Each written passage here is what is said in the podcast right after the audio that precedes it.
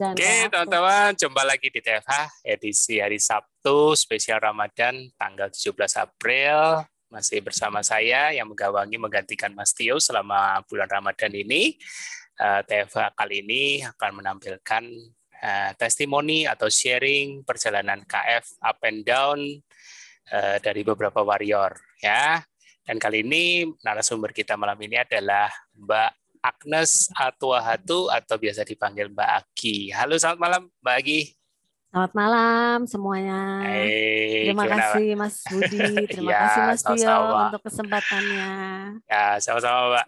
Jadi eh, seperti hari Rabu kemarin kita sudah dengar narasumber dari salah satu warrior juga, Mas Sugi Hartono. Nah kali ini kita juga mau kepoin nih Mbak Aki, ya kan?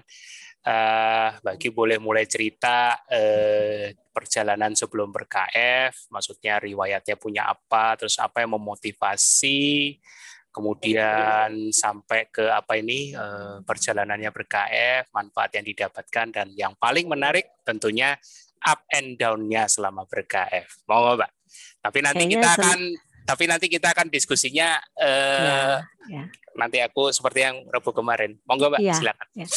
Selamat malam semua, terima kasih yang udah hadir. Eh, Pertama-tama aku mau cerita bahwa aku KF itu sebenarnya bukan karena aku punya penyakit ini atau tidak tahu. Tidak tahu Hmm. bahwa KF itu adalah eh, gaya hidup yang bikin orang yang punya penyakit jadi sehat atau eh, punya penyakit berat atau apa pun. Aku nggak, pokoknya blank. Hmm. Aku ketemu sama temanku satu waktu hari bulan September tahun 2017 saat kita Hmm. lagi eh, apa namanya ngelayat ngelayat salah Oh, satu teman oke. di kampus yang suaminya meninggal. Oke. Nah, Aku ketemu sama temanku tuh yang beratnya tadinya itu 100 lebih. Hmm. Tiba-tiba aku waktu nyari dia tuh nggak nggak kenal gitu. Kok dia orang beda banget gitu loh. Jadi lain. Hmm. Terus Hmm. Ngobrol cerita cerita cerita terus dia bilang kamu kenapa bisa kurus begini? Kamu ngapain? Saya bilang gitu kan kamu ikut diet apa? Saya nggak Hmm. tertarik sebenarnya sama diet diet karena berat badan aku juga nggak terlalu yang banyak. Aku ti- beratnya itu 47 tapi untuk nuruninnya pun perlu kerja keras dan tidak turun-turun. Tuh. Eh, ya benar benar. Terus eh, udah gitu dia cerita oh ya aku ikut keto wow.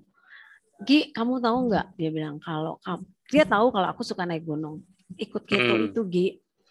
Makannya yang penting nggak boleh makan nasi. Pokoknya dia cuma jelasinnya nggak sedetil eh, kalau kita baca protokol. Yang jelas nggak boleh Hmm. makan da- eh, karbohidrat dia bilang itu. Nggak sama gula. Terus makannya Hmm. apa? Ya kamu makan daging makan ikan makan oh gitu. Kamu tahu nggak? Itu yang namanya tenaga Gi. Nggak ada matinya dia bilang seriusan saya langsung gitu. Karena buat saya eh, tenaga itu saya butuhkan kalau saya naik gunung. Hampir setiap bulan tuh saya ikut eh, klub eh, naik Ah. gunung sama bos saya. Jadi saya pikir wow kenapa nggak gue coba ya?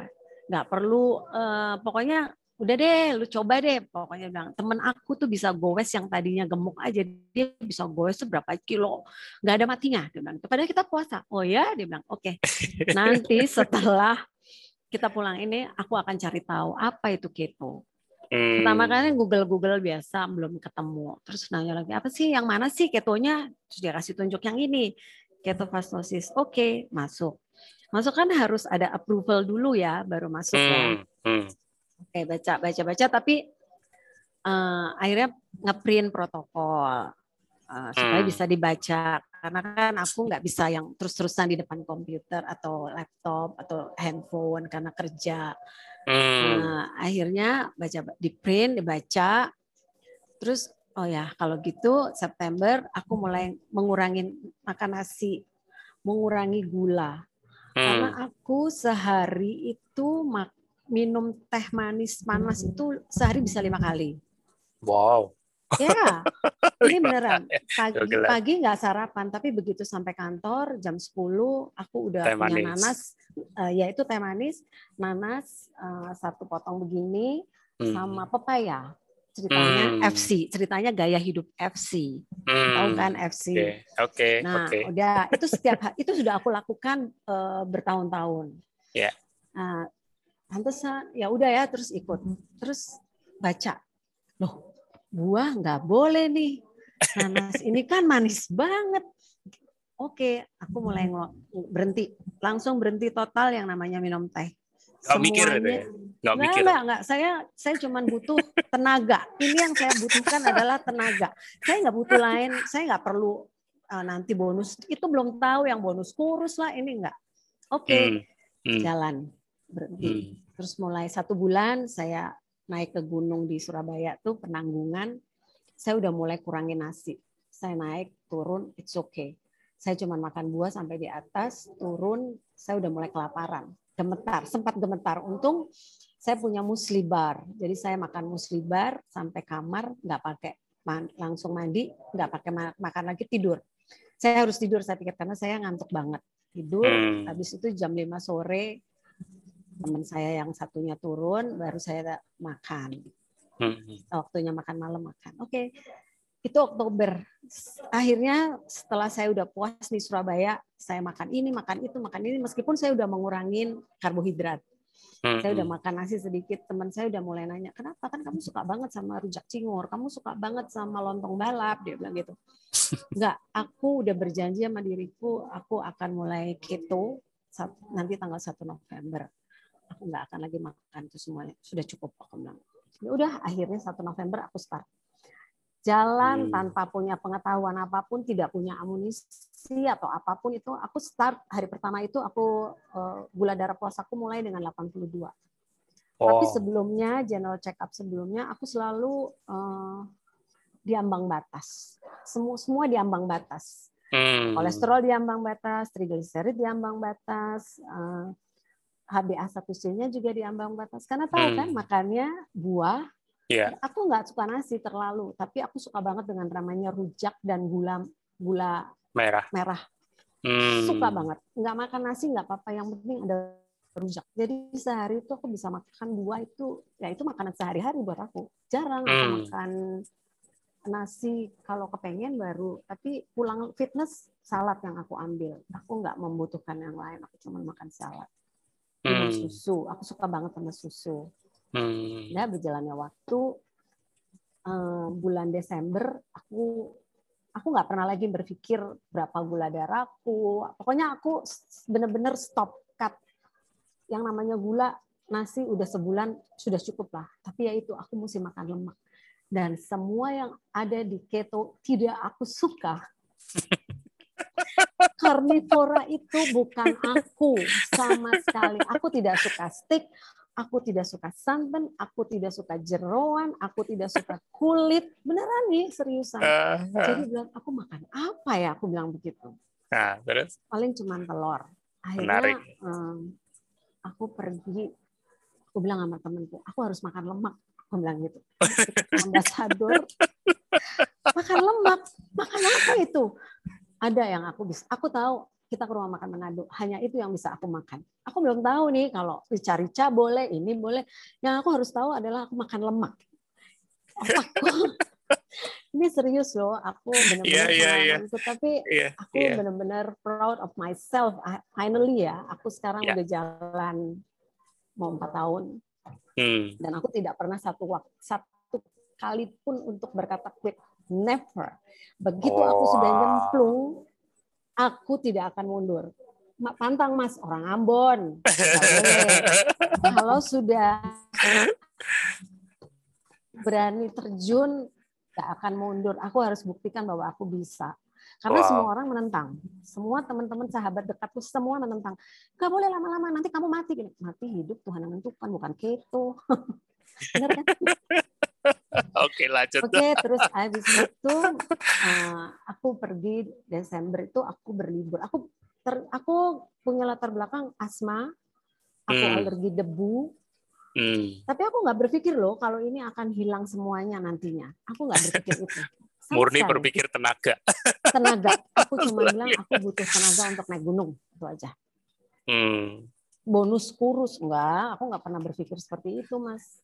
Sorry mbak, aku sedikit potong. Oh, emang ya. emang kalau kenapa dengan tenaga pada saat sebelum ber-KF, apakah ada sesuatu effort supaya dapat tenaga itu sehingga begitu begitu dibilang temennya atau di di apa di waktu melayat itu tenaga tidak ada kayaknya seakan suatu suatu hadiah yang luar biasa bakal didapat kalau kalau bisa sukses di keto gitu ibarat. Oh iya mas, karena gini, aku tuh orangnya suka tantangan. Jadi gini loh, kan aku suka naik gunung. Mm-hmm. Nah teman-teman gunung naik gunung itu adalah bule semua.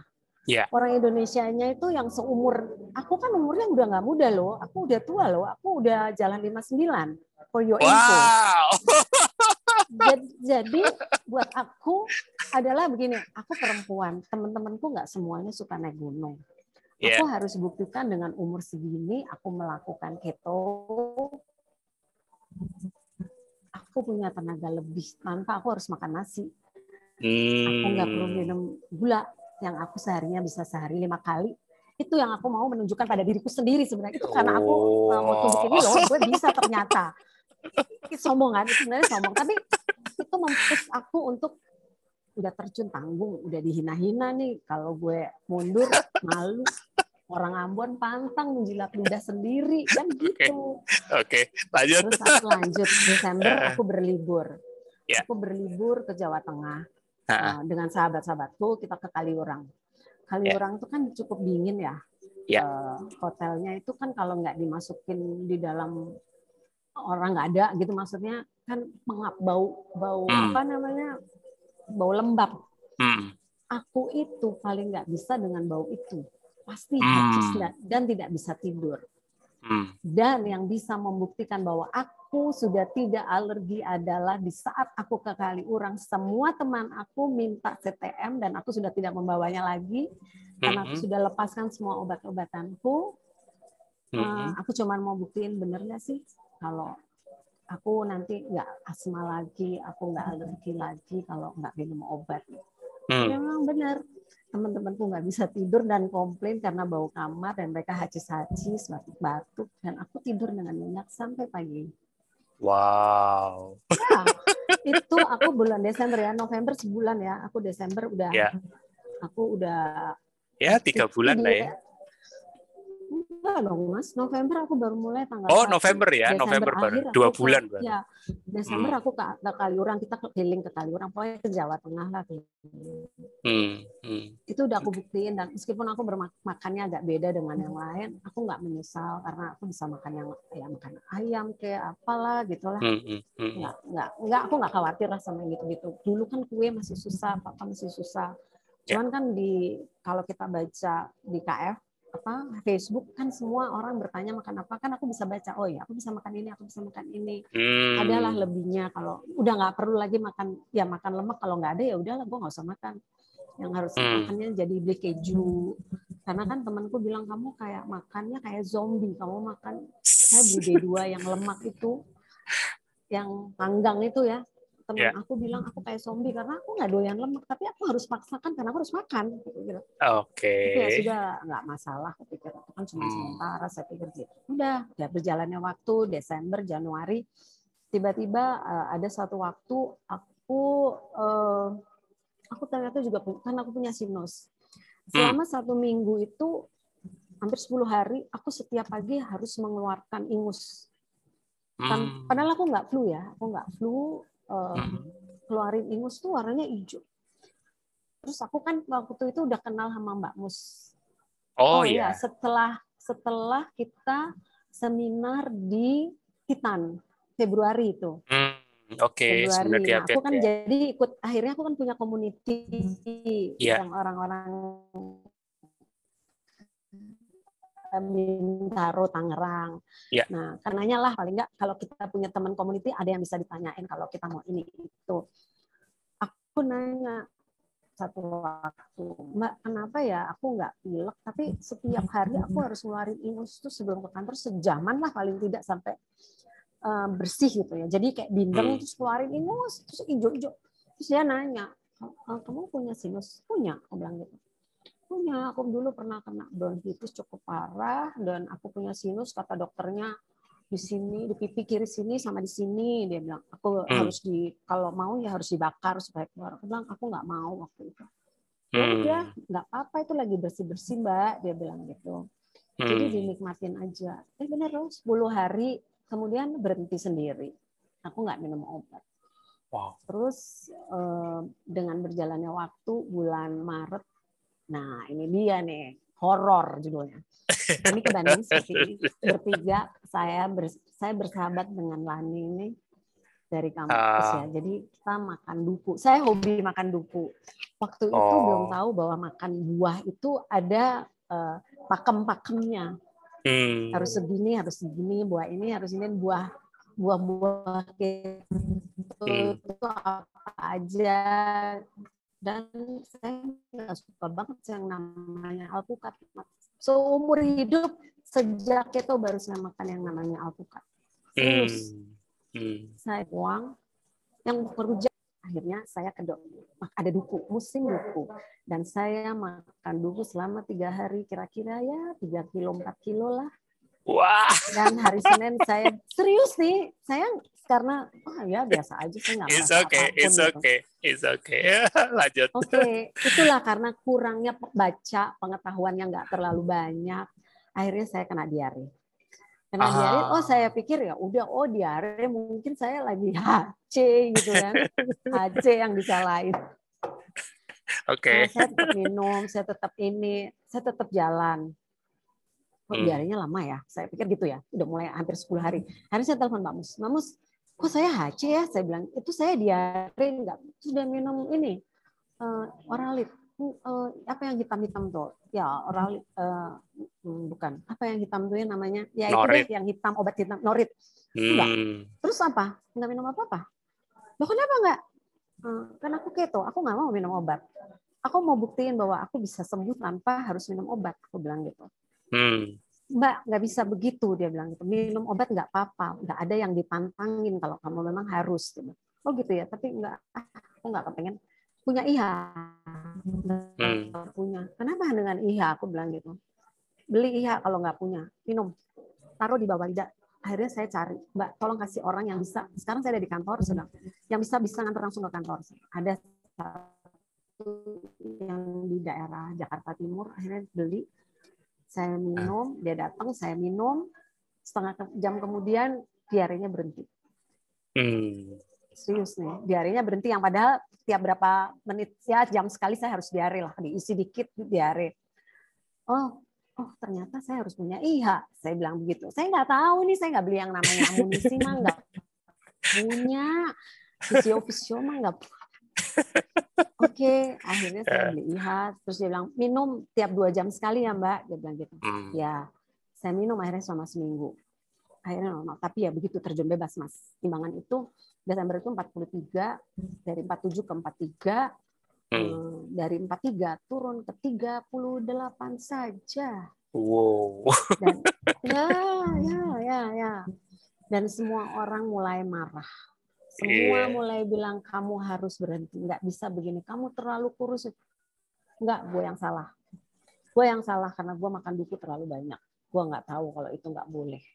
Kapan tahunya Mbak itu? Ya baca, Oh, baca ya, harus baca ya. baca bahwa apa yang hari ya Allah, ternyata gue nggak boleh ini makan bu kan saya masih makan kadang-kadang masih makan kedondong terus pilek gitu kan Ya. Aduh ini gara-gara saya makan kedondong atau asinan nih saya pikir gitu ada gulanya sebenarnya kan kalau ya udah minum teh hijau gitu saya nggak punya teh hijau nggak ada ya udahlah saya pikir gitu. namanya pengalamannya itu ya learning by Iya, doing tapi iya. saya nggak menyesal Hmm, saya terus saya mulai nanya mbak nanti saya bisa gemuk lagi nggak ya kata mbak Hmm. "Terus nggak usah khawatir bisa mbak udah mulai itu yang namanya jelek nggak berani lihat kaca karena udah keriput jelek hitam. Saya juga ngerasain dan saya udah mulai nangis kalau orang udah mulai ngomong gitu. Setelah itu saya udah kesel banget. Ih biarin aja. Kan yang ngerasain gue orang gue yang jalanin kok saya bilang gitu. Ya biarin aja. Akhirnya mama pulang dari Amerika dan shock karena saya sangat kurus. Kamu kenapa? Kamu sakit? Enggak ikut keto. Cuman aku diare karena aku minum makan duku terlalu banyak aku bilang gitu nggak bisa begini kamu nggak usah ikut-ikut kayak gitu udah stop udah repot stop stop stop. Semua bilang stop stop stop. Cuman saya bilang nggak aku udah terjun aku udah ngerasain bahwa emang bagus. Dan di saat aku uh, flu keto pun aku bisa naik turun gunung tanpa aku sarapan. Jam 5 sore setelah aku tidur baru aku makan. Itu saat aku lagi flu keto ya. Aku pikir aku nggak akan sampai ke atas ini. Tapi ternyata aku sampai berarti kan I'm not feel nggak nggak salah dong I'm not wrong, uh, doing something wrong. Uh, aku melakukannya untuk aku dan aku merasakan apa yang menjadi uh, keinginanku bahwa aku punya tenaga lebih. Aku nggak bilang sama siapa-siapa sama bosku pun waktu aku naik gunung aku cuman perlu aku ambil telur aja untuk di atas gunung nih ceritanya. Tapi ternyata nggak lapar. Uh, memang benar semakin kita bergerak kan naik ya nanjak atasnya. Nggak ada lapar-lapar yang penting saya minum mbak minum. Oh iya ya sampai pulang turun baru deh tidur. Habis tidur baru rasa lapar.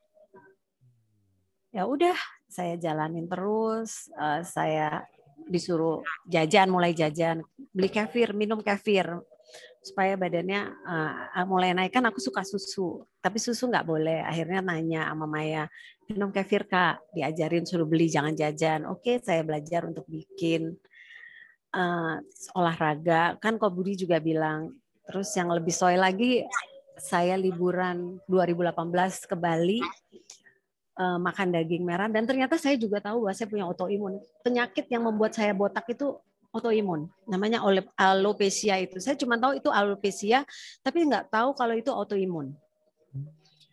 Saya juga punya psoriasis di sini. Eh, saya juga nggak tahu kalau itu ternyata autoimun. Saya ikut kelas kecil di eh, mana namanya Citos, Mas Budi kalau nggak salah juga ada sama Cimina. Itu saya ikut dan saya belajar di situ bahwa oh ya saya autoimun. Saya harus mengurangi makan daging merah. Uh, dan saya bersyukur karena uh, kalau saya nggak ikut saya harus minum steroid yang membuat saya jadi moon face. Dan saya jadi ketergantungan obat karena saya juga punya masalah. Ginjal saya agak bermasalah kalau saya terlalu uh, minum obat banyak. Karena kan saya selalu minum obat alergi kan? Saya nggak mau. Jadi akhirnya saya bilang saya harus kurang. Saya juga nggak terlalu suka daging merah cuman karena saya cuman harus makan protein ya saya atur bagaimana supaya saya tetap bisa makan enak tanpa harus saya merasa bersalah. Karena saya jadi suka makan steak kalau diajak dulu nggak pernah mau gitu kan Eh, kenapa mami mau sekarang? Karena mami keto, saya bilang gitu. Oh, enak. Jadi saya bisa ngajak mami makan sekarang. Ya tapi nggak boleh sering-sering, saya bilang itu. Uh, akhirnya saya berjalan dengan saya olahraga. Nah pulang dari Bali itu psoriasis saya keluar, uh, gatel. Mas Budi ketemu saya kan, saya lagi dalam masalah dengan di sini keluar semuanya, di sini keluar, di sini keluar, di sini keluar aduh benar-benar hancur karena selama di Bali saya makan daging merah. Daging merahnya lebih banyak daripada daging putihnya. Jadi saya jadi belajar sendiri jadi oh iya ya kalau saya terlalu sering makan daging merah saya bermasalah pasti gatel. Saya keluar psoriasisnya itu keluar. Jadi badan orang mungkin tiap orang beda-beda, tapi saya sudah harus berhenti di mana saya hari ini ya udah kamu makan ini, besok kamu jangan lagi. 10 hari atau seminggu baru kamu mulai lagi. Dengan jalannya waktu saya olahraga, saya plank, saya angkat beban, saya sampai punya dumbbell di bawah meja kantor karena saya kalau lagi iseng saya angkat berat badan mulai naik. Uh, saya juga suka jadi ikut lari saya suka ikut lari 5 kilo tujuh setengah kilo saya kuat uh, sudah terbukti kan kalau keto not nggak membuat saya kecewa, tapi membuat saya makin kuat. Saya jadi lebih berenergi. Nah, eh, akhirnya mama saya agree nggak nggak lagi suruh-suruh saya dan saya malah bilang sama mama kalau bisa mama juga kurangin gula karena gula nggak karena saya udah ikut seminar seminar yang saya ikutin kira-kira ada tujuh kali yang terakhir tuh di Bandung ya tahun 2019 ya. Bobby mungkin tahu ya. Uh, ya akhirnya semua orang di rumah saya jadi nggak nggak dia tahu kalau saya keto. Hmm. Jadi dipanggilnya Miss Keto. Atau Ibu Keto karena apa-apa keto, apa-apa keto. Tapi saya ngerasain sendiri sih bahwa apa yang saya dapatkan dari keto saya udah nggak perlu minum obat alergi saya udah nggak perlu minum obat gatal-gatal saya atau apa pun asma saya udah nggak pernah asma saya udah nggak pernah kena sakit tifus yang biasanya setahun dua kali itu hmm. sejak saya keto jalan tiga setengah tahun ini saya puji Tuhan nggak pernah deh jangan sampai lah ya uh, ya saya nggak mau iya. kasihan ya maksudnya hmm. badan terlalu banyak minum obat juga kan dan saya yeah. kan dulu punya bronkitis. Uh, ya udahlah, semuanya akhirnya jadi sembuh. Tapi tapi menjaga. jadi tapi jadi aware ya Mbak ya. Yang aku tangkap ini ya, ya, uh, ya. awalnya kan tidak kepikir mau mau sembuh dari penyakit apa. Murni ya, cuman enggak. murni ya. cuman mau dapat tenaga yang dipromosikan ya, dalam ya. tanda kutip. Betul, tapi seiring betul. seiring waktu eh uh, asma sama alerginya tahu-tahu hilang ya, ya kan waktu di ya. kurang kemudian terus ngalamin pembelajaran sendiri mengenal batas dari apa eksposurnya autoimun ya, ya, daging ya. merah ya. kemudian apa itu yang makan duku. Nah, kalau makan duku nggak, ya itu juga ya saya bilang kalau kita nggak pernah membaca dengan benar, Eh, nggak pernah ikut seminar mungkin ya tapi saya bersyukur saya ikut seminar saya punya teman saya punya komunitas hmm. eh, KF jadi memang hmm. perlu banget kalau saya sendiri hmm. saya kan solo dibanding teman-teman saya hanya saya sendiri yang menjalankan gitu yang lain hmm. semua karbo eater hmm. jadi komunitas itu penting karena hmm. itu yang membuat kita tetap di jalurnya kita nggak akan turn back. Meskipun semua orang bilang udah cukup udah cukup kamu jelek kelihatan gini. I don't care saya bilang biarin aja. Mau jelek mau enggak? Kan tubuh-tubuh saya yang rasain saya saya bilang gitu. Uh, kalau saya kan nggak udah nggak minum obat. Kalian kan masih minum obat kalian makan karbo tapi kalian masih minum obat. Saya enggak saya bilang saya nggak mau. Karena saya juga mikir saya punya anak cuma satu anak yeah. saya laki-laki hmm. kalau saya nggak menjaga diri saya sendiri saya akan menyusahkan dia nantinya dan hmm. istrinya. Ya kalau dia mereka mau jaga saya. Kalau saya enggak mereka ya anak pasti jaga, tapi saya orang yang tidak mau menyusahkan orang lain. Sebisa mungkin saya harus menjaga diri saya. Kalau kalau orang Kristen tubuh kita adalah bait Allah. Saya mau ya. menjaga supaya saya bisa beribadah dengan benar, bisa punya manfaat untuk orang lain, anak saya, kayak ibu saya, kayak adik-adik saya, kayak ya paling nggak menjadi contoh lah bahwa ini loh kalau gue begini mungkin nggak ada nggak enak awalnya semua hmm. nggak hmm. enak awalnya tuh pasti nggak enak tapi hmm. kembali ke sananya sekarang saya nggak terlalu nggak makan juga nggak masalah lu makan aja gue nggak makan puasa kok. Nggak masalah gitu. Even makan, even makan telur juga nggak apa-apa. even mamanya Mbak Gi pun sekarang sudah sudah bisa melihat ya walaupun awalnya hmm. menentang abis ya, tapi karena...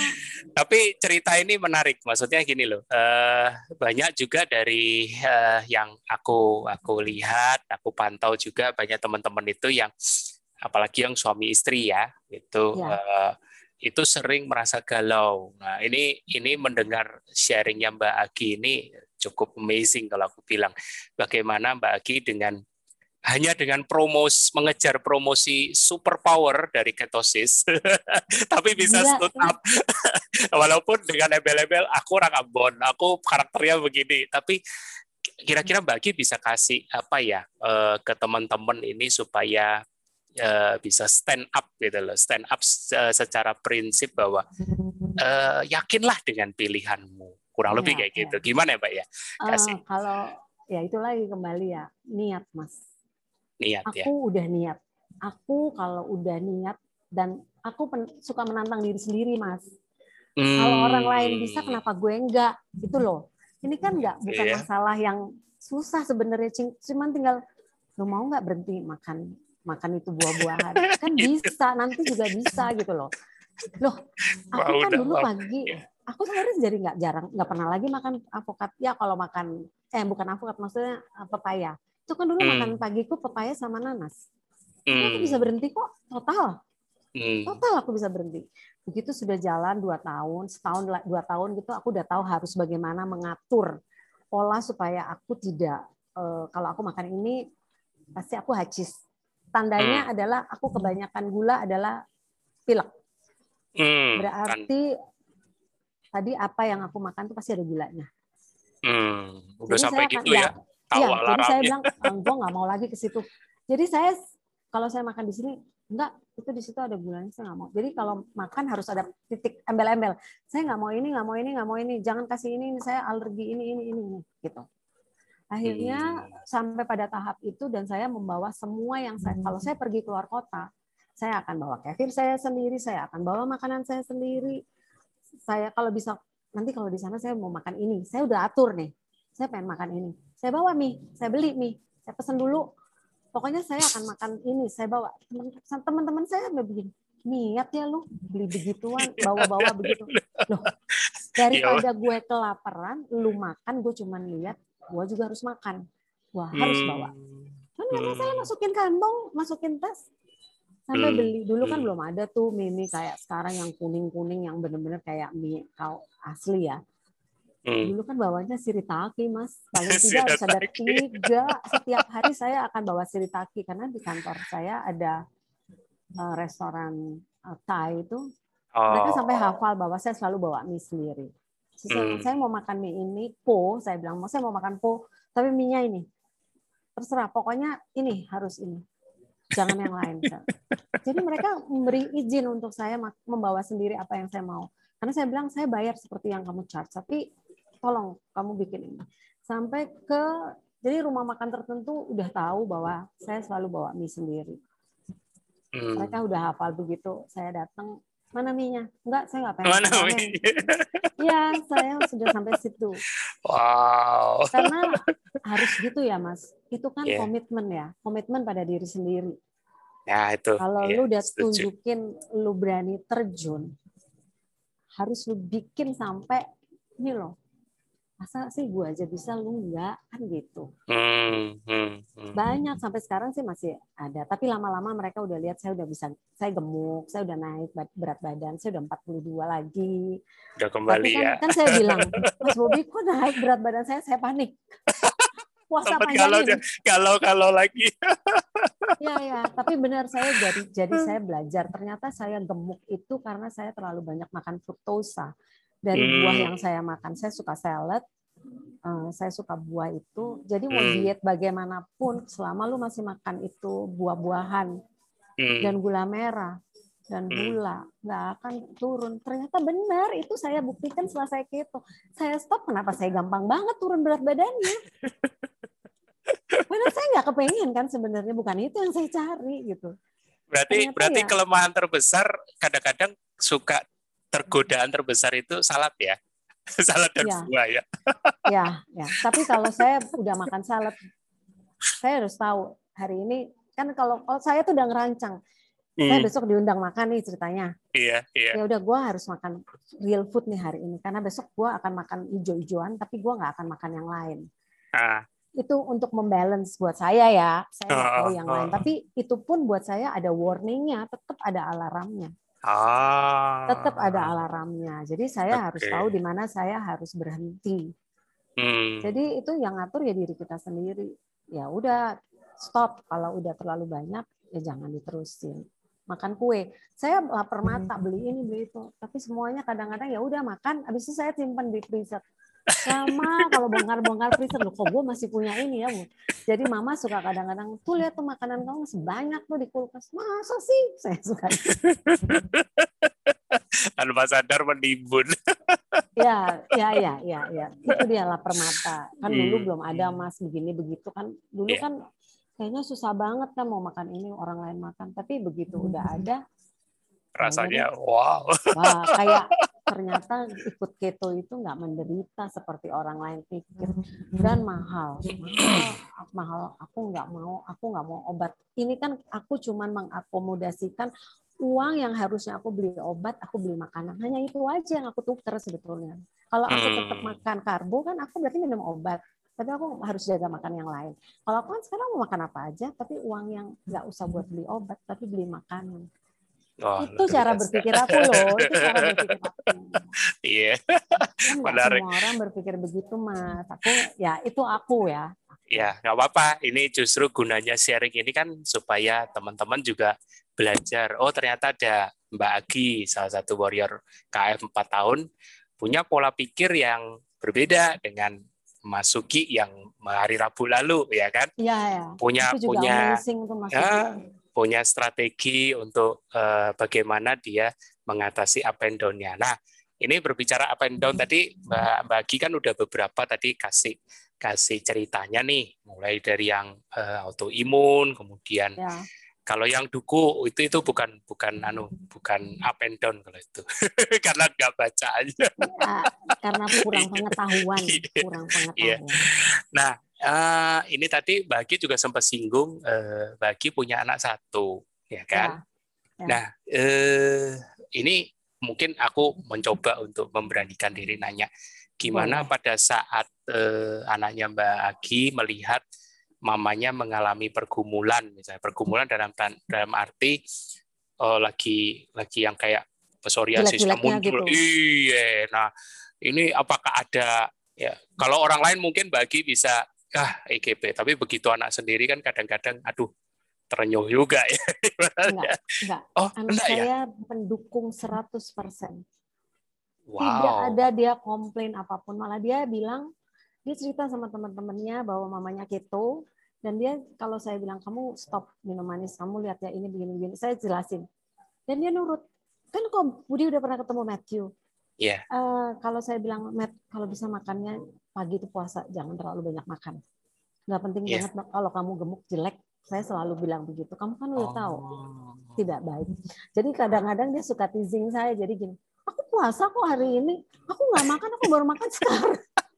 Tapi memang that's true. Maksudnya memang benar dia pagi nggak makan, dia baru makan kira-kira jam 2 jam 3. Meskipun masih makan nasi. Hmm. Mama saya juga eh, mengurangi gula, mengikuti apa ya kalau saya bilang mam makan boleh kalau mama masih pengen makan nasi tapi siang-siang jangan terlalu banyak makan karbo mam itu nggak bagus dan Hmm. waktu sebelum dia, ini saya sharing juga ya, mama saya umurnya 82 jalan 83.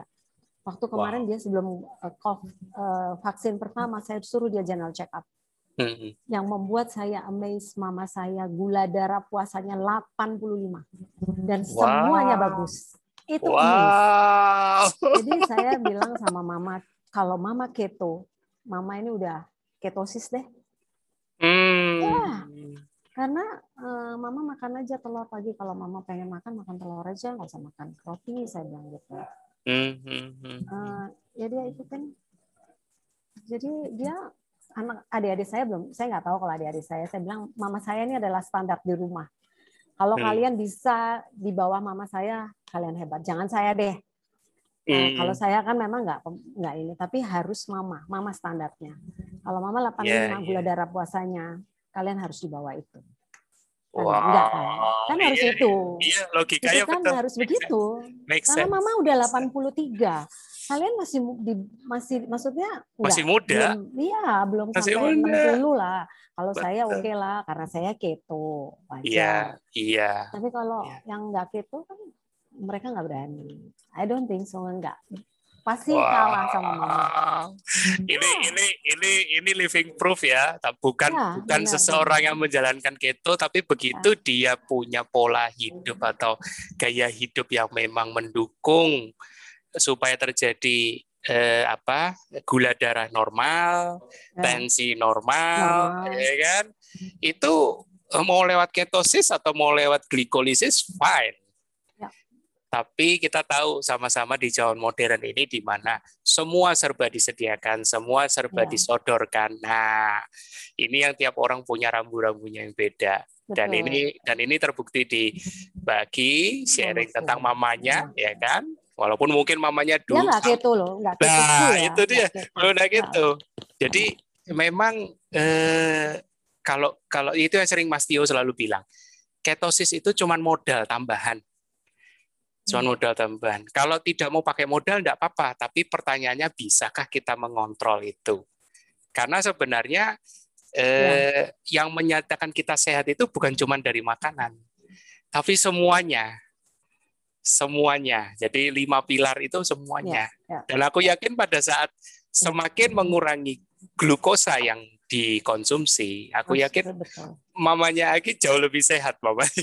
Iya betul. Mama sih udah nggak minum teh. Dia kalau minum teh ngeri. Saya ngelihat gulanya tuh 4 sendok mas. Saya mama stop stop. Itu HbA 1C-nya di bawah, jauh di bawah.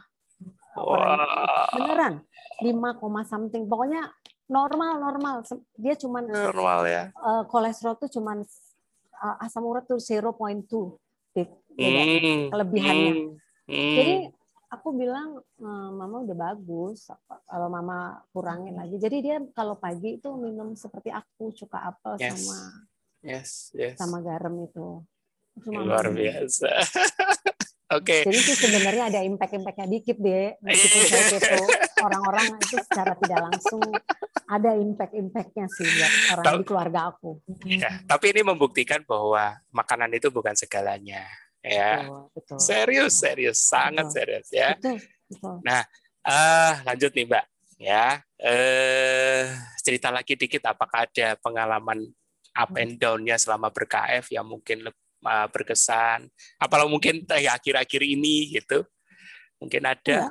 Oh, enggak ya? Uh, uh, enggak. Saya saya enggak pernah menyalahkan KF atau apa.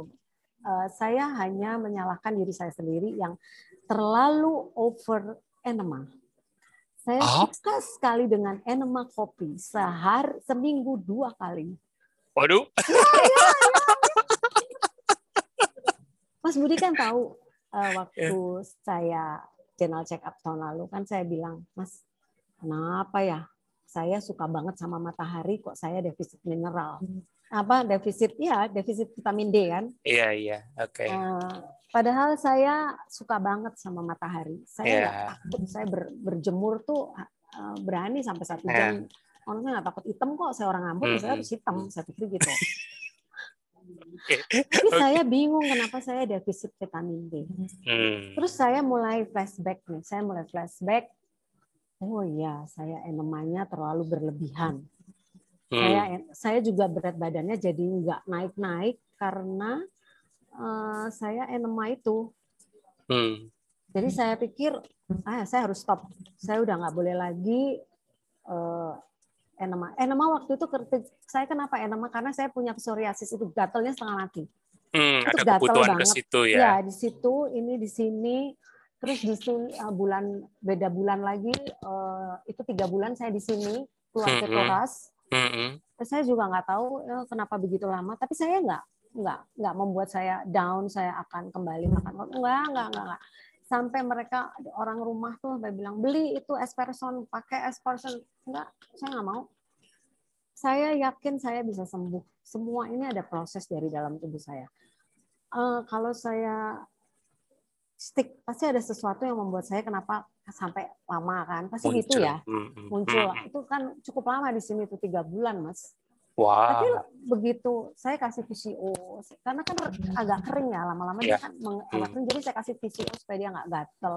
Kalau ya udah di jalan lama-lama hilang sendiri, nggak berbekas. Hmm. Jadi saya pikir enggak, saya nggak perlu esperson, nggak perlu. Hmm. Nggak hmm. perlu yang satu lagi tuh ada tuh apalah obat yang biasanya kalau gatal saya juga dulu suka pakai itu. Enggak, hmm. saya nggak mau lagi beli. Saya udah terbukti kok. Saya cukup pakai VCO, saya pakai kutus-kutus, saya pakai IH, selesai. Hmm. Hmm. Eh, yang penting niat mas. Kalau ya kalau kadang-kadang kan cuma berpikir gini, gila lama banget ya gue. Uh, waktu gatal itu saya benar-benar, tapi saya bilang enggak ah, udah tanggung. Kalau gue balik tanggung. Saya udah ngerasain banget apa yang saya rasakan tubuh saya ini benar-benar banyak yang berubah saya ngerasain uh, flek-flek hitam yang dulu kata dokter saya harus dilaser, dilaser pun nggak menjamin kamu akan hilang. Enggak ini hilang, nggak perlu dilaser, nggak perlu dilaser kok, beneran. Saya sampai semua perawatan dokter itu sejak saya keto, saya pengen prove it bahwa bener saya nggak perlu bahwa itu perbaikan dari dalam dengan cara Hmm. makan yang benar itu Hmm. akan membuat tubuh saya sehat. Harus saya buktiin dan itu memang benar. Terbukti. Beneran Mas, saya stop pergi ke dokter untuk periksa apa itu? Pakai krim malam, krim pagi. Ah, Itu saya stop. Beneran, saya cuman pakai putus-putus. Itu kan herbal, cuman minyak VCO, kasih ini, kasih itu. Nggak ada lain, nggak ada Hmm. nggak lu pakai juga nggak bikin lu gatel-gatel kan? Gitu hmm. itu itu saya itu saya buktiin loh Mbak. beneran jadi kalau kita benar-benar tubuh kita tuh sehat pikiran sehat. Hmm. semuanya jadi bersih kok. Hati bersih. Itu yang paling Hmm. penting. Semuanya bersih. Keluar kan kelihatan. Jadi nggak perlu lagi pergi-pergi dokter nggak penting buang-buang duit Wis, banyak banyak dokter mbak di sini. eh maaf tapi maksud saya nggak loh beneran serius tapi maaf ya maaf tapi bener loh aku ini nggak pakai apa kalau malam mau tidur habis cuci muka Iya. cuci muka juga aku cuman pakai sabun sabun putus-putus itu ya. Ini bukan promosi nih, tapi beneran. Aku cuma aku pakai VCO. Semua aku pakai VCO. Udah, Hmm. besok pagi mandi pakai aja tuh tanamu tanami selesai. Itu kan juga UV. Kenapa mesti takut? Herbal, pakai kembali ke herbal. Beneran, Dan penggunaan luar ya mbak ya. makan. Oke. keren keren. Senang nih Ya. kalau kalau ada warrior kayak gini eh, apa? Tuh kan kalau dibuktikan harus dibuktikan. Iya betul. Jangan betul. cuma ngomong katanya begini, katanya begini. Masa sih? Saya kan harus masa Mas Tio yang kinclong kok saya nggak bisa. Emang sih waktu itu tiga tiga bulan pertama empat bulan tuh benar-benar hasil hitam. Hitam keriput, udah gitu kena diare lagi, tambah makin jelek kan. Pantang, pantang ngaca, pantang ngaca, pantang di foto pokoknya. Ada sih foto-foto teman. Kalau jelek delete, jelek delete, saya nggak mau. Lebih baik dah lihat daripada stres ya. benar benar benar. Nah, sedihnya cuman karena dibilang orang kamu kurus kamu jelek. Ah, biarin aja nanti cantik juga. Nanti cantik gitu juga. iya nanti cantik lagi kok. Saya cuma bilang begitu. Nanti balik lagi. Awas ya kalau gue udah balik lagi ya. Jangan pernah ada yang ngomong kenapa lo begini? Nggak usah nggak usah nanya-nanya. Saya gitu. Judes soalnya soalnya udah di di apa dibully kayak duluan dibully Iya, duluan. udah. udah di tag ini lu dulu yang mau bully gua kan udah usah nanya lah ini kalau udah sehat Iya. aduh keren keren keren oke teman-teman jika ada pertanyaan mau ke Mbak Agi seputar testimoninya dia monggo ya bisa raise hand atau lewat chat di Zoom ya waktu kita masih ada kira-kira setengah jam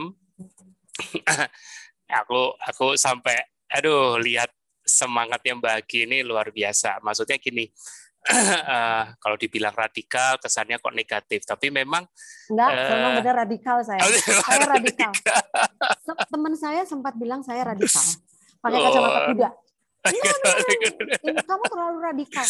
Kan itu nggak bagus. Eh, itu tiga bulan aja paling lama enam bulan. Beneran loh aku dibilangin gitu. Nanti kamu kena ginjalnya gini Enggak, gue punya masalah kok ginjal gue juga waktu itu ada masalah waktu gue check up. ada masalah Saya kena eh, infeksi saluran kencing itu tiga, dua apa tiga kali. Itu kan Hmm, juga kalau berturut-turut kan katanya itu pasti ginjalnya yang harus diperiksa kan gitu. hmm, hmm, saya general check up. Ya, Hmm. I'm fine. Setelah saya general check up semuanya baik-baik saja. Di USG yang juga aman-aman aja. Kok. Beneran. Wah, nih living proof ya teman-teman. Jadi jangan katanya tuh kata bagi radikal ayo. perbanyak Iya, baca, perbanyak memahami Iya, komunitas penting. Iya. Apalagi kalau jalan sendiri ya. Hmm, Komunitas itu sangat setuju, membantu. setuju. Kita Dan banyak baca-baca. dan dan banyak mbak memang yang masih bergumul apalagi tadi menarik nih aku juga keinget bagi sempat waktu apa itu sempat punya pikiran aku harus cari lemak nih jujur Ya. dalam beneran beneran beneran kok karena aku nggak tahu aku harus makan apa aku kan nggak doyan semua yang rumah makan padang itu bukan makanan favoritku kok aku nggak Iya. suka aku menghindar sekali sama yang namanya lemak eh, santan aku nggak doyan Hmm, tapi sejak itu semuanya berubah Wah. 360 derajat aku makan, cuman aku belum bisa makan jeroan. Tapi Iya. aku udah makan. Makan yang Tidak. lain aku udah makan. Tapi tapi tidak dipaksakan, tidak ada yang maksa harus makan jeroan, harus makan kulit. Aku memaksa diriku sendiri. Oh, enggak, enggak, aku enggak. Kalau itu memang enggak bisa. Aku enggak bisa. Aku enggak mau. Oh, enggak makan jeroan juga aku enggak apa-apa kok. Buktinya aku bisa naik berat. Kan sekarang katanya Mas Tio, kalau mau naikin berat badan, jangan lagi makan terlalu banyak lemak, Hmm. makan protein. Hmm. Dibanyakin Hmm. protein, olahraga supaya naik masa ototnya. Ya itu yang aku lakukan. Hmm. Kan aku dengar. Apa kata suhu diikutin. Apa kata Su diikutin ya? Sering sering ngobrol juga sama Mas Tio berarti ya? Enggak, waktu itu ikut pas Ciang Ciang datang ke Jakarta, aku Ah. diajakin sama Magda ketemu di di tempatnya Mas Tio. Nah, Oh, kan cerita iya. cerita terus, Ngobrol di situ ya. terus ngobrol terus Mas Tio bilang kalau mau naikin berat badan ya stop lagi makan kan kamu udah ketosis udah cukup. Ya, kamu makan aja Hmm. protein, olahraga, jadi masa ototmu yang naik. Tapi memang Yes. benar, aku masa ototnya yang eh, apa, berat akhirnya. Sekarang Iya. udah 42. Iya, lebih banyak nambah di masa otot ya. Ya, ya. Hmm. Tapi masih suka naik gunung nih ceritanya. Sel- ini se- sejak apa pandemi nggak paling trekking aja ke Sentul sama adik-adik. Oh, trekking doang Nah, ya. Ini lagi baru pertama kali lagi hari kemarin apa tadi aku join yang punyanya KF itu yang mau ke Gunung Gede. Oh, iya iya iya iya. Keto fitness. Iya, iya. Ah, iya. ah, ah, ah, ah. Fitnessnya Wah. sih belum ikut, cuman ikut yang pecinta alamnya aja. Ayo, Baru mulai- yang mulai investasi ini beban buat Oh nama udah mas. mas, udah aku udah beli kettlebell, aku punya dumbbell di kantor, aku ya push up, aku lah apa plank, aku Iya. lakukan. supaya di, yang kemarin eh, di share sama Kosugi bahwa otot itu semua terlatih. Kalau Ya, kita cuman betul. kalau kita cuman endurance, cuman Ya. sepeda, lari itu berarti cuman apa? kaki yang dipertahankan. ya, ya. ya. Tapi Nah. benar sih kalau kita aku lari itu aku nggak naik-naik tuh Bu, eh, berat badan kan aku suka ikut lari, nggak Mm. nggak naik, Naik. malah rasanya kok kayaknya tuh lang- makin langsing gitu, makin turun gitu. Iya. Tapi benar-benar karena aku nggak waktu itu aku males ngangkat beban kan. Nah sejak COVID berarti kan udah nggak ada lagi tuh lari-lari tuh. Mm, mm, mm, Kan aku suka ikut biasanya. mm, mm. Ya udah aku angkat beban aja, Yes, jalan. aja. Masa kurus terus malu lah mas. Udah cukup dibully di 38, Ya beneran. 57. Padahal Beneran. tingginya Mbak Aki berapa ya? Satu. 145. Oh, 145. makanya 145. Kalau Compact kan saya. iya kalau saat kalau beratnya sampai 37, waduh, kecil sekali. Ya sama kayak waktu saya kuliah itu. Oh. Tapi nggak ada yang nyangka loh ini 59, serius loh. Aku tadi Iya, juga ya. nggak nyangka loh, serius loh. Alhamdulillah. Ntar kalau disorot dikiranya masih kepala empat ya. Kebanyakan sih selalu berpikir begitu, tapi aku sudah 59, mau 59. Waduh. Eh, kan itu cuma angka, jadi cuek aja. Cuma langka. tapi Iya. tapi jujur eh, eh, apa rada rada apa bukan rada eh, ya boleh dibilang rada GR juga kan waktu disangka 40-an Iya, iya, iya. juga Tapi mostly juga kebanyakan sih bilangnya begitu. Eh, Kalau dibilang, masa sih Bu? Ya, kalau nggak percaya nggak apa-apa. Saya bilang gitu. Saya sih senang-senang aja. dahsyat Iya beneran. Eh, Tapi memang Oke. bener sih akibat tanpa gula, tanpa karbo itu membuat Hmm. kita jadi lebih muda ya. Jadi Hmm. muda lah. Maksudnya hmm. regenerasi ya, regenerasi gitu. Tapi ini aku eh, bersyukur Mbak Aki eh, mendapatkan ending yang sama. Eh, maksudnya ending yang sama ini adaptasi yang betul ya. Jadi yang seperti eh, Mas Tio sering sharing lewat TFH eh, bahwa harmonisasi lima pilar. Nah, itu. Jadi Mbak Aki cuman melewatinya dengan proses mengenali badannya sendiri mulai dari Ya. yang eh, eh, merasa tadi kok kalau lari itu berat badan nggak nambah, makin kurus, berarti ada sesuatu deh yang salah. Hmm. Tapi di sebagian orang bisa jadi berpikir, eh, aku memang mau lebih turunin berat. Nah, ini mesti hati-hati. Nah, jadi ketosis itu bukan berarti uh, memang dapat modal tambahan untuk bisa mengakses uh, body fatmu, ya kan, secara mandiri, ya kan. Nah, tapi jangan lupa modal tambahan itu juga tetap ada batas. Kalau kita tidak manage, kalau kita tidak kelola dengan baik, ya bisa over, bisa hmm. bisa over, ya, kayak overtraining syndrome. Nah, makanya eh, sempat itu mungkin sempat ngalami tapi tidak sampai tidak sampai drop cuman ya hasilnya besar besaran apalagi eh, bagi kan juga sempat enema dua kali seminggu kan gila itu gila itu gila sorry bukannya ingetin bukan tapi, enggak, tapi benar kok iya. uh, karena kan saya tapi benar loh kalau ikut habis hmm. enema tuh saya nggak nggak lapar loh saya iya, bisa iya. makan sehari sekali loh terus iya, lebih iya. lebih fit lebih fit tenaganya lebih banyak itu saya juga kayak nanang gila ya gue kali ketagihan ya saya sampai begitu loh nah itu iya. kadang-kadang yang sensasi sensasi yang menagih atau bikin ketagihan itu loh yang kadang-kadang mengaburkan. Jadi contoh aku nggak usah ngomong ini malah contoh VCO ya kan? VCO kan fungsinya untuk tra membantu transisi menuju ketosis. Tapi seiring waktu karena banyak manfaat dan uh, akhirnya dipakai kalau misalnya lapar uh, dan belum waktunya buka ya sudah minum visio aja ya kan jadi ya. tidak mengganggu padahal jangan-jangan lapar itu tadi benar-benar tubuh minta Iya. Ya. Ibaratnya. Nah, hmm. itu itu hal sederhana. Nah, apalagi yang enema atau yang lain, kopi kadang-kadang aku sering jumpain, Mbak, kopi itu ada yang sampai lima gelas satu hari dan itu espresso. Oh, aku enggak. Nah, itu sampai kenapa ini bahaya? Bukan bahaya sih sebenarnya, berpotensi menambah menambah uh, stres beban stres sistemnya karena kafeinnya di kopi itu memicu adrenalin, itu fisiologinya. Hmm. Nah, adrenalin itu erat kaitannya dengan stres sistem. Kerja hmm. dari stres sistem, HPA aksis itu. Gitu loh. Ya, ya. Nah, jadi adrenalin itu yang ngeluarin kan kelenjar adrenal Nah, salah satunya. Nah, itu terpicu oleh karena adanya eh, apa kafein yang masuk. Ya. Gitu loh. Nah, biasanya orang yang suka minum kopi ya pasti juga jarang makan. Hmm. Ya kan? Ya, nggak usah ya, ya. usah ngomong kenyang, ketosis.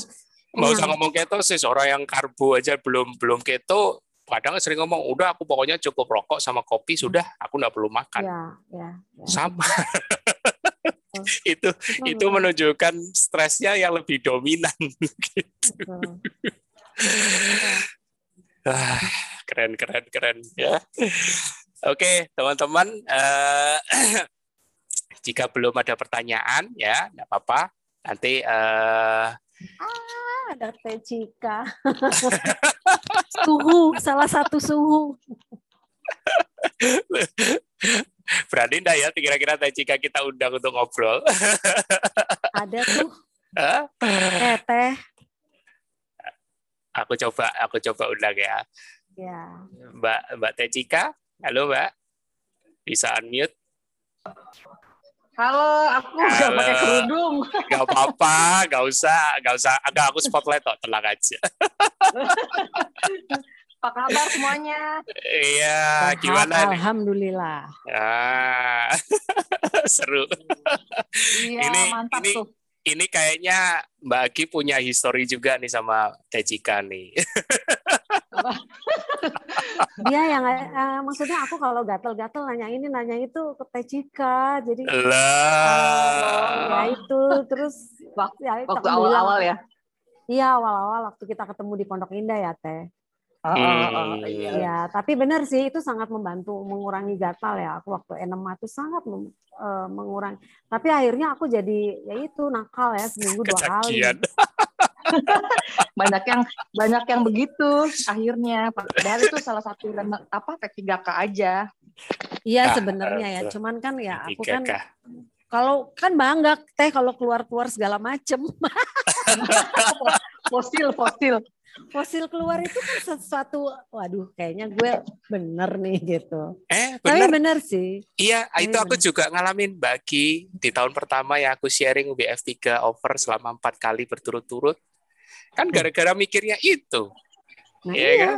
Sekalinya sekalinya sekalinya WF3 uh, eh, apa Oh, ini? nggak W- ya WF3 sekarang. Kalau aku WF3 Mbak.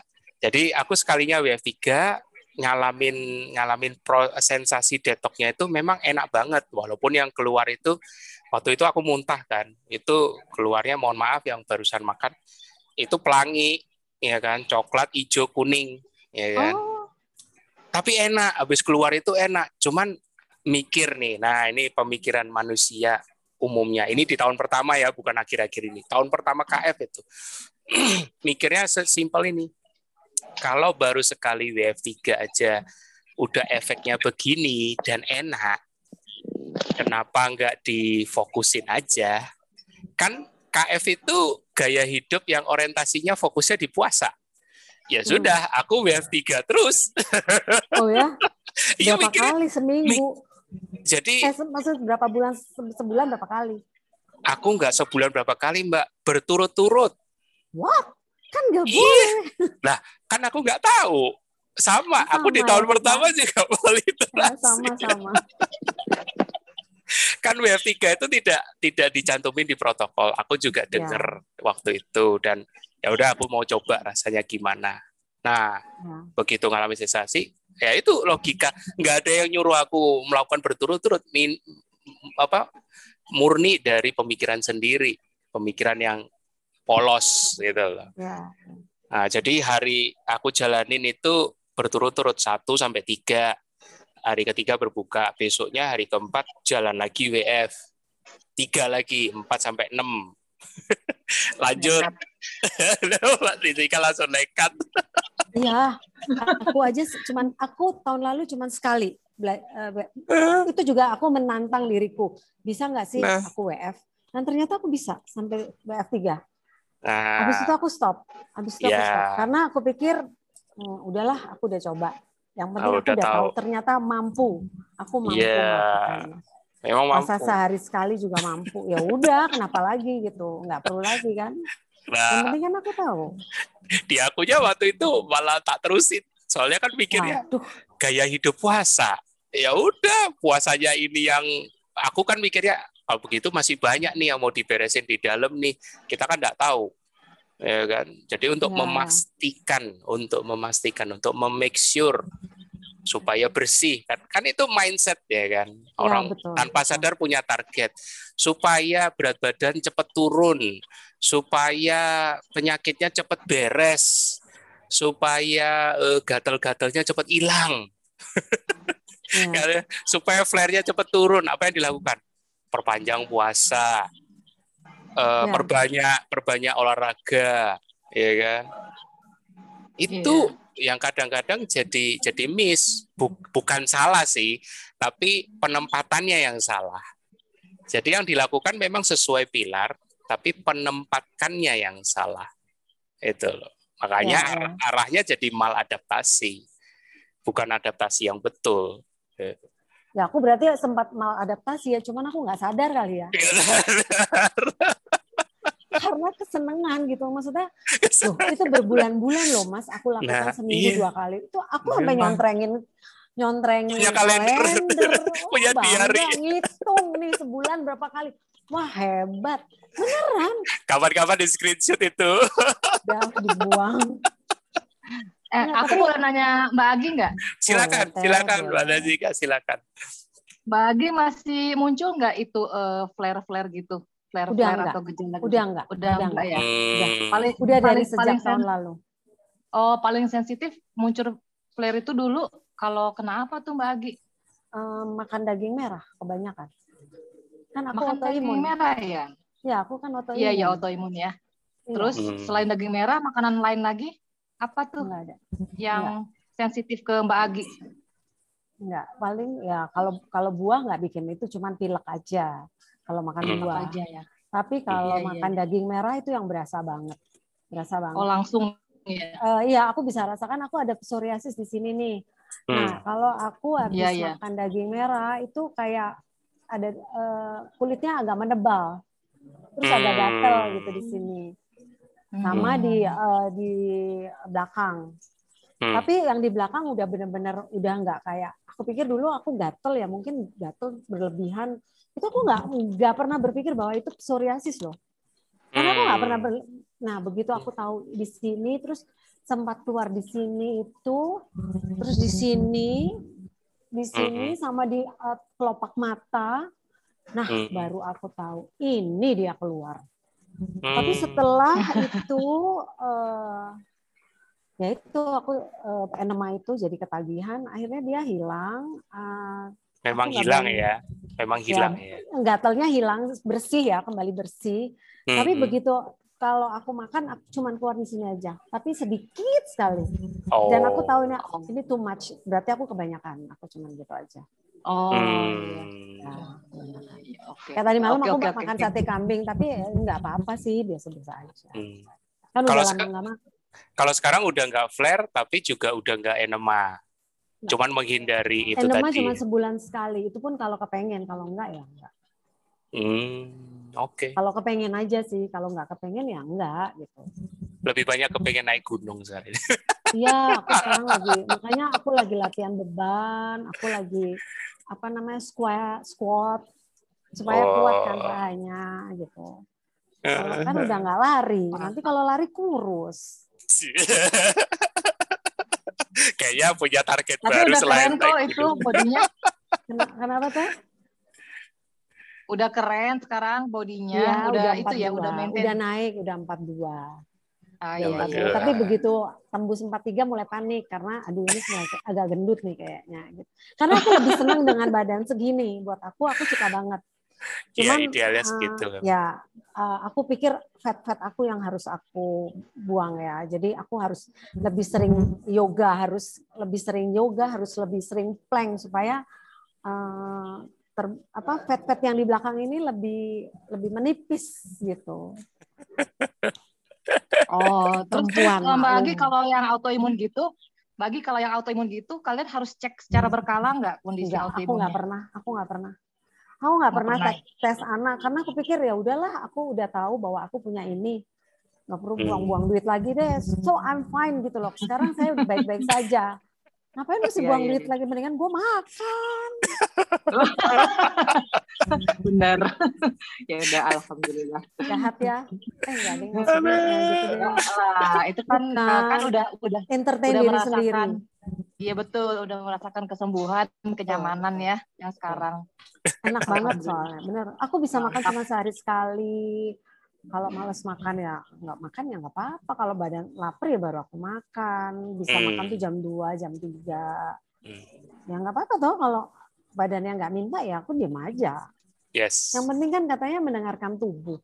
Iya, itu memang betul. Ah, Itu memang eh, betul. Sangat, sangat. Jadi Soalnya tidak- kalau enggak ya. nanti jadi stres sendiri. Giliran lagi nggak nafsu betul. makan, dipaksain makan, ya malah tambah stres. tidur aku sudah mulai teratur. Eh, kalau ngantuk aku langsung tidurin, nggak mau lagi aku cepet-cepet. Biasanya aku tidur selalu di atas jam 12. Hmm. Tapi memang bangunnya lebih lebih siang ya. Tapi sekarang aku nggak mau. Aku kalau aku ngantuk aku harus tidur. Langsung ya, kalau aku kurang tidur, ya kalau aku kurang tidur, ya kan seperti yang Mas Tio bilang, balas Iya. tidurnya, balas tidurnya. Karena aku merasa aku juga tidurnya nggak benar. Lima pilar yang ditidur tuh aku nggak benar. Aku Saya nggak begadang Mbak Egi. eh, aku nggak bisa tidur teh. Jadi Oh, selalu tidur. tidurnya di atas jam 12 malam. Kapan itu? Hmm. Sebelum-sebelumnya ini eh, sudah sebulan ini aku tidurnya baik-baik saja. Sudah kembali normal jam 10, jam 11. Kalau jam 10 lah, kalau udah makan ya, lapar kan makan. Pulang kantor tuh. Mulai ngantuk. Wah, Hmm. harus cepet-cepet naik tempat tidur, jangan lama-lama. Kalau lama-lama nanti ter- jadi nggak ngantuk lagi kan. Gitu. Hmm. Hmm. Bagi Ya, yang belum tahu wajahnya Teh Cika, nah ini tak spotlight Udah pakai.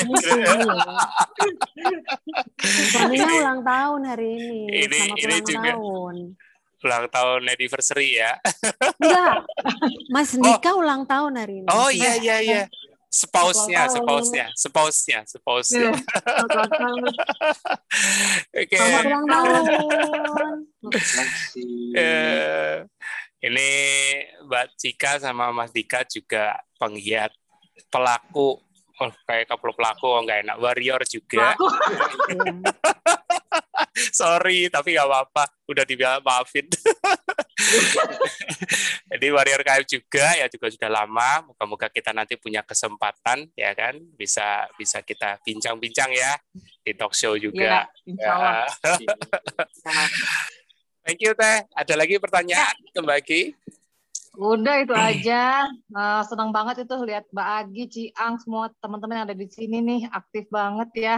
Apalagi Ciang Mbak Agi. yang paling Ciang, juga. Bang Andini itu paling sering deh, pokoknya rajin banget. Kagum Ah. aku. Mas Sugi juga tadi ada ya. Ada, Mas Sugi ada. ada, Kosugia juga ada. Mas Sugi juga keren tuh kemarin aku sampai amazed gitu. Wow, bener-bener ya.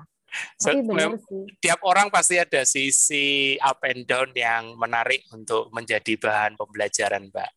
Nah, itulah Ya. tujuannya di TFA spesial Ramadan ini.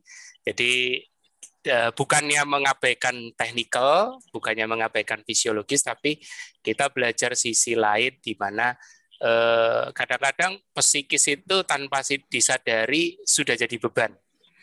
Seperti yang ya. aku pernah pernah sharing japrianku dengan salah satu warrior.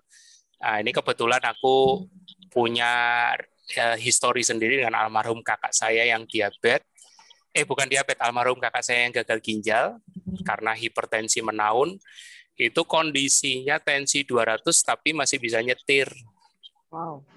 Ah, enggak kebayang itu kalau orang nggak nggak tahu dia punya riwayat hipertensi mungkin dipikir normal sehat masih bisa nyetir tapi itu tensinya 200 waktu itu Hmm. udah udah enam tahun yang lalu nah, nah seperti kita tahu hipertensi ini penyebab utama terjadinya kegagalan fungsi ginjal Ya. Ya, karena ginjal itu seperti mesin filter, mesin filter air. Filternya itu ginjalnya. Kalau tekanan airnya terlalu besar, ya pori-porinya akan lama-lama jadi membesar, melebar, dan akhirnya terjadi kegagalan fungsi.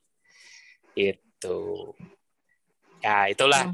Ya, makanya kadang-kadang kita yang harus eh, lebih aware. Mbak Agi bersyukur, aku bersyukur Mbak Agi tahu titiknya pada saat loh ini kok gejalanya enggak memang membaik tapi kok enggak beres-beres ibaratnya gitu. Ya, ada sesuatu ini. Karena enggak mungkin akan tergantung hidup sehat itu kan harusnya sehat sejati itu kan tidak tergantung pada suplemen apa pun. Karena Ya. kalau tergantung suplemen atau teknik apa pun nggak adil. Ya kan? Tidak semua manusia di muka bumi ini bisa mendapatkan hal yang sama. Nah, Ya. Jadi sehat sejatinya harus harus kalau kalau orang eh, teman saya muslim bilang fitrahnya harus kembali ke defaultnya manusia itu sendiri saat, saat tidak ada apa pun dia sehat. Nah, Ya. itu. Ya, betul, betul. Ya, benar sih. iya. Saya juga kemarin sempat waktu bulan Ju eh tahun lalu ya, saya pulang dari Jawa, saya sempat kena demam. Saya juga berpikir tuh kenapa saya demam? Mungkin karena kecapean, terus saya kurang tidur. Hmm. Akhirnya eh, weekend itu saya balas tidur, saya sempat ya saya cuma minum IH, tiap dua jam saya minum IH, saya makan tidur, makan tidur. Senin sudah sehat. Nah, Wow, ya itu kan? saya langsung gini, ternyata gue kurang tidur, ya kurang ketika mengi- istirahat. ke kita Ya. ke- ketika mengikuti sinyal tubuhnya kan dengan sendirinya self healing itu terjadi. Iya, iya, ya kan? Betul, betul, betul. makanya kapan itu aku juga ketemu ada satu orang yang apa ya ibaratnya masih kontra eh, dan aku bilang ketosis itu memang hal yang aneh di di zaman modern sekarang. Ibaratnya makanan ada energi sumber energi setiap saat bisa didapat tanpa harus capek-capek mencari kenapa harus capek-capek mengakses tangki bensinmu sendiri. Mm, ibaratnya gitu. Engkau cukup berhenti engkau cukup eh, lewat gadget lewat eh, handphone teknologi malah diantar. Makanan dengan energi itu datang. Betul. jadi ya tidak usah heran bahwa ketosis itu akan selalu dipandang sebelah mata Kenapa di zaman modern ini tidak lumrah yang namanya ketosis, tapi kita tahu ketosis adalah defaultnya metabolisme manusia. Di saat tidak ada asupan, tidak ada makanan masuk, itulah fleksibilitas manusia, metabolismenya diuji yang sesungguhnya. ya. Oke, Mbak ya. Gi, sebagai penutup ya kan, kita udah di penghujung acara 10 menit lagi, bagi bisa kasih dong pesan dan saran kepada yang lain ya kan teman-teman. Dan tidak cuma yang hadir bagi juga nanti yang akan menonton edisi spesial Ramadan yang kedua ini. Silakan bagi uh, kalau menurut saya ya uh, kalau udah masuk jangan pernah kembali. Uh, karena kita ngerasain betapa hebatnya ya tubuh kita itu Tuhan menciptakan benar-benar sempurna jadi ya udah nikmatin jalankan dengan benar hidup lebih bermanfaat untuk banyak orang, untuk diri sendiri, ya kan? Jadi never uh, apa namanya give up, tetap punya komitmen pada diri sendiri, bukan kepada orang lain ya, diri sendiri itu yang paling penting. Itu aja. Niat ya mbak ya, kembali diingatkan niat, niat, niat awal. Mahal. Hmm. Niat itu mahal banget. Tanpa niat nggak akan terjadi. Apalagi kalau niatnya kurang dalam, fondasinya ya. kurang kokoh, nah itu. Nah, ya. Tapi ini contoh, tapi ya, tapi ini contoh bahwa niat bagi yang awal cuma mau mencari promosi sumber tenaga keton, mau membuktikan, ya. Ya. tapi berbuah luar biasa banyak di belakangnya, kesembuhan, ya. berat badan banyak. yang apa berat badan yang kembali normal, bahkan yeah. dukungan dari keluarga akhirnya walaupun sempat yeah. ditentang semua itu harus dijalani ya yeah. tidak ada jalan yang mulus tapi fondasi niat kita masing-masing itu yang menentukan ending kita ending kita finish well atau yeah. kita finish unwell unwell oke okay. you choose yes. yeah you choose you choose yeah. pilihan kembali ke pilihan Betul. ya thank you bagi kita moga-moga bisa ketemu lagi ya Ya. Terima kasih teman-teman. Jangan semuanya. lupakan minggu depan kita masih ada episode spesial Ramadan lagi ya, tentunya dengan narasumber non nakes yang lain yang tidak kalah menarik ya. Dan jangan lupa hari Minggu besok founder kita Mas Tio akan diundang oleh Lokap komunitas Lokap di India ya. Oh. Itu luar biasa sekali. Jadi teman-teman pastikan pantau di live FB-nya Mas Tio dan nanti rekamannya juga akan saya tayang di channel YouTube.